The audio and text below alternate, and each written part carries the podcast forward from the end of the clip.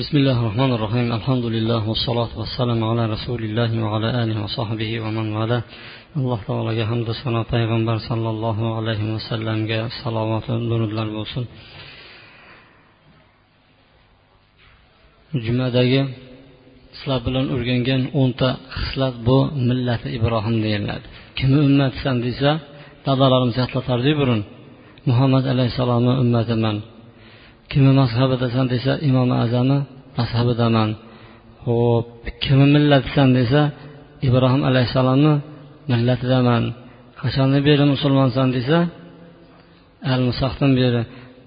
Mana shunga o'xshagan savollarni o'rgatardiya demak ibrohim alayhissalomni millatidan bo'lishlik uchun ibrohim alayhissalomni millatiga nima qilish kerak? Amal qilish kerak bo'ladi. Endi ba'zi bir muhim nuqtalarga ham to'xtalib o'tmoqchiman. Ba'zi bir savollar bo'lib qoladiki odamni jasadidagi ba'zi tuklar bo'ladiya yuqorida bir zikr qilmagan. Masalan sochni oladigan bo'lsak sochni olib yurish kerakmi yo qo'yib yurish kerakmi? Savol.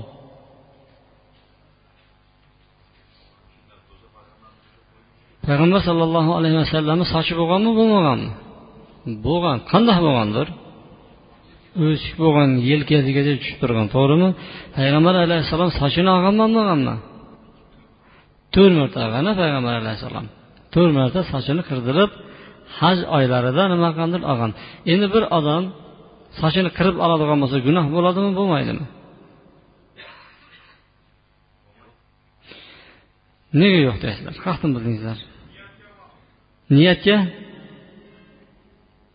yoz keldi deb silliq olish kerak to'g'rimi qishda payg'ambar alayhissalom bir hadisni dalil qiladiki bu haqida bemalol yo sochingni barini olib tasha dedi yo qo'ysang yaxshilab qo'y dedi bir hadis keladiki kimni sochi bo'ladigan bo'lsa hurmat qilsin dedi. Hurmat qilsin degani ya'ni tarab to'g'irlab yursin dedi soch qo'yishlik ibodatmi yo odatmi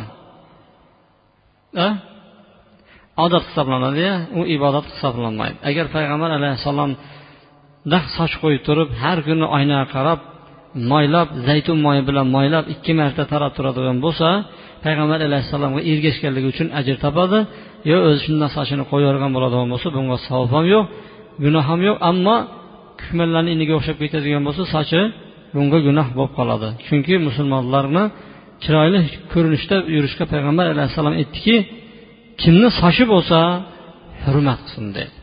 Tushunarlimi endi ba'zi bir odamlar bo'ladi. Soch qo'ymaydigan bo'lsa boshi og'riydi. Shunaqa odamlar bor bilasizlarmi? Aksi ba'zi odamlarni bo'ladiki sochini olmasa boshi og'riydi. Sochini olib turish kerak u odamlar. Demak ba'zi odamlarga agar sochi katta bo'lib ketayotgan bo'lsa ustidan kulavermaslik kerak. Balki u odamni boshi og'rir ko'proq soch qo'ysa boshi joyida turadi. Yoki bo'lmasa shuni nimadir aksi demak bu sochga taalluqli bo'lgan masala bo'ldi. Ammo milovga tegishli bo'lgan ba'zi bir masalalar bor ekanki imom molik aytadiki sochni mo'ylabni deydi barini qirib olib tashlashlik bidat bo'ladi degan. Tushunarlimi? Imom molik aytadiki sochni barini olib tashlashlik milobni barini olib tashlashlik bu bidat bo'ladi degan. Agar kimni melobini o'stirib yuradigan bo'lsa buni ta'zir berib darrov urish kerak degan. Imom molikni so'zi. Ammo qo'ltiqni tuklariga keladigan bo'lsa uni qiriladimi yo yulinadimi? Hadis bo'yicha natofil ibut deb keladi. Yulish kerak. Yuladigan bo'lsa tuklari kamayib turib ildizi ham zaiflashib turib o'ziga nima bo'ladi? Oson bo'ladi. Imom shofiy bir kuni qirayotgan ekan qo'ltig'ini junini shunda bittasi aytdiki hadisda kelgan ediyu dedi.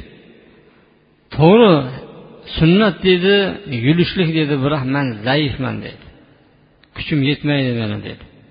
Demak bir odam qodir bo'lmaydigan bo'lsa og'riydigan bo'lsa u qirib tashlasa ham bo'ladi yoki bo'lmasa burunda arablar novra degan narsa bo'lardi shu novrani suradigan bo'lsa bundoq surib surib qo'yadigan bo'lsa bari tuklari nima qilardi to'kilib ketardi. Hozirda ham shunga o'xshagan ba'zi bir pisillatadigan bir narsalar chiqqan bo'lsada deb sevaveradigan bo'lsa shu to'kilib ketadigan bo'lsa u bilan ham maqsad joiz bo'laveradi ammo avratni jullari ular yulinmaydi. Bu faqatgina nima qilinadi? Qiriladi. Ammo orqa avratni kishi bu ham shartmi? deydigan bo'lsa bu haqida shariat bir narsa degan emas. Payg'ambar alayhissalom orqa avratingizlarni tukunni yo'qotinglar degan emas. Faqatgina ba'zi olimlar qiyos qilgan. Tushunarli bu haqida biron bir gap kelgan emas. Ammo undan tashqari badandagi tuklar keladigan bo'lsak masalan kampirlarni soqol milovlari yoki ba'zilarni qulog'idan yo burunlarini ichidan chiqib keladigan tuklar yo ko'krakdagi yo qo'lni tepa sonlardagi tizzani pastidagi tuklar haqida nima deymiz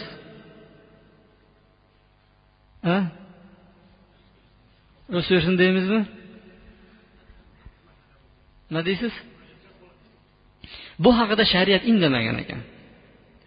Payg'ambar alayhissalom bir hadisi borki alloh taolo sizlarga farzlarni farz qildi va gunoh narsalardan qaytardi haromlarni harom qildi. Ba'zi narsalardan indamadi. Indamagan narsalarni shu indamagan bo'yicha qoldirib yurish kerak. Bir odam shu joydan oylaqqan bo'lsa gunoh deyilmaydi. Shu joylarini o'stirib yuradigan bo'lsa gunoh deyilmaydi. Bir odam masalan ko'kragida juni ko'p bo'ladigan bo'lsa bir odam qirayotgan bo'lsa nimaga qirayapsan deyilmaydi. Yo bir kampirni soqol bilan milovi o'sib ketayotgan bo'lsa uni kirib turadigan bo'lsa u harom bo'ladi deb ularga aytilmaydi. Demak aytilmagan tuklar haqida bir odam buyurmaydi ham bir odam bu bobda nima qilmaydi? Qaytarilmaydi. Endi sizlar bilan ro'za haqidagi taalluqli hadislarni o'qiyotgan edik. Bir yuz ellik uchinchi hadisga kelib to'xtagan ekanmiz. Payg'ambar sollallohu alayhi vasallam hijoma qildirdilar ihrom bo'lgan holatlarida. Hamda u kishi hijoma qildirdilar ro'zador bo'lgan holatlarida. Imom buxoriy rivoyat. Keyingi hadis besh yuz ellik to'rtinchi hadis. Shaddod ibn avs roziyallohu anhudan rivoyat qilinadi. Payg'ambar alayhissalom baqiyda turgan bir kishini oldidan o'tdi. U kishi ramazon oyida hijoma qildirayotgan edi. Shunda payg'ambar alayhissalom hijoma qilayotgan ham hijoma qildirayotgan ham og'zi ochilib ketdi dedi. Tushunarli ikkalasini ham og'zi ochilib ketdi dedi. Hijomani bilasizlarmi? Hijoma deganimiz qon olishni aytadi. Qartiq bilasizmi burun qartiq bo'lardiyu. Echkini yuzidan bundoq ketganda uchini teshib qo'yib turib buyoq katta bo'lgandan keyin deb tortadigan bo'lsa qon chiqib kelardi. Tushunarli yo boshqa yo'llar bilan. Hozirgi paytda banka bilan oladi. Ana shu qon olishni otini hijoma deyiladi. Birinchi hadisda payg'ambar alayhissalom ro'zador bo'lib turib hijoma qildirdi. Ikkinchi hadisda payg'ambar alayhissalom ikkita kishini oldida o'tib ketdi hijoma qildirayotgan. Bu ham bu ham dedi og'zi ochilib ketdi dedi. Ya'ni hijoma qilayotgan ham qildirayotgan ham og'zi ochilib ketdi dedi. besh yuz ellik beshinchi hadis. Anas ibn molik roziyallohu anhudan rivoyat qilinadi. Payg'ambar alayhissalom ro'zadorga ro'zadorga makruh bo'lgan narsalarni eng avvali dedi hijoma qildirishligi dedi. Jafar ibn abu tolib ro'zador bo'lib hijoma qildirayotgan paytda payg'ambar alayhissalom u kishini oldidan o'tib qoldi. Mana bu ikki kishi dedi payg'ambar alayhissalom. Og'zi ochilib ketdi dedi. Keyin payg'ambar alayhissalom ro'zadorga hijoma qilishlikqa ruxsat berdi. Anas roziyallohu anhu ro'zador bo'lib hijoma qildirardi. Doriqutniy rivoyatlari. Mana shu uchta hadis. Tushundingizlarmi? Yo tushunmay qoldingizlarmi demak nima ekan? Og'zi ochilar ekanmi hijoma qildirgan odamni zaif bo'lsa ruxsat yo'q. Ikkalasi ham buxoriyda kelgan ekan birinchi yuqoridagi oldingisi borin birinchisi ro'zador bo'lib turib payg'ambar alayhissalom hijoma qildirdi. Buxoriyda payg'ambar alayhissalom ikkita kishini oldidan o'tdi mana bu ikkalasi ham og'zi ochilib ketdi dedi. U ham sahih hadis hamda buxoriy mana shuni nima degan ekan kuchli hadis degan ekan ahmad ikkalasi. Demak mana bu hadisga ko'ra ahmad ibn hambalni mazhabida qon oldiradigan bo'lsa ro'za ochiladi. Abu hanifa imom molik hamda shofiyni mazhablarida qanaldiradigan bo'lsa hijama qildiradigan bo'lsa ro'zasi ochilib ketmaydi. Tushunarli endi hijamaga to'xtaladigan bo'lsa hijamani judayam katta foydasi bor. Eng kuchli davo yo'li bu hijoma bo'ladi. Ammo bu haqida ba'zi bir maslahatlar bor. Hamma odam yugurib borib hijoma qildiraveradimi hamma vaqt deydigan bo'lsa buni vaqti yoshi kuni soatini hijoma qiladiganlar belgilab berishgan hamda ba'zi bir dalillar ham kelgan.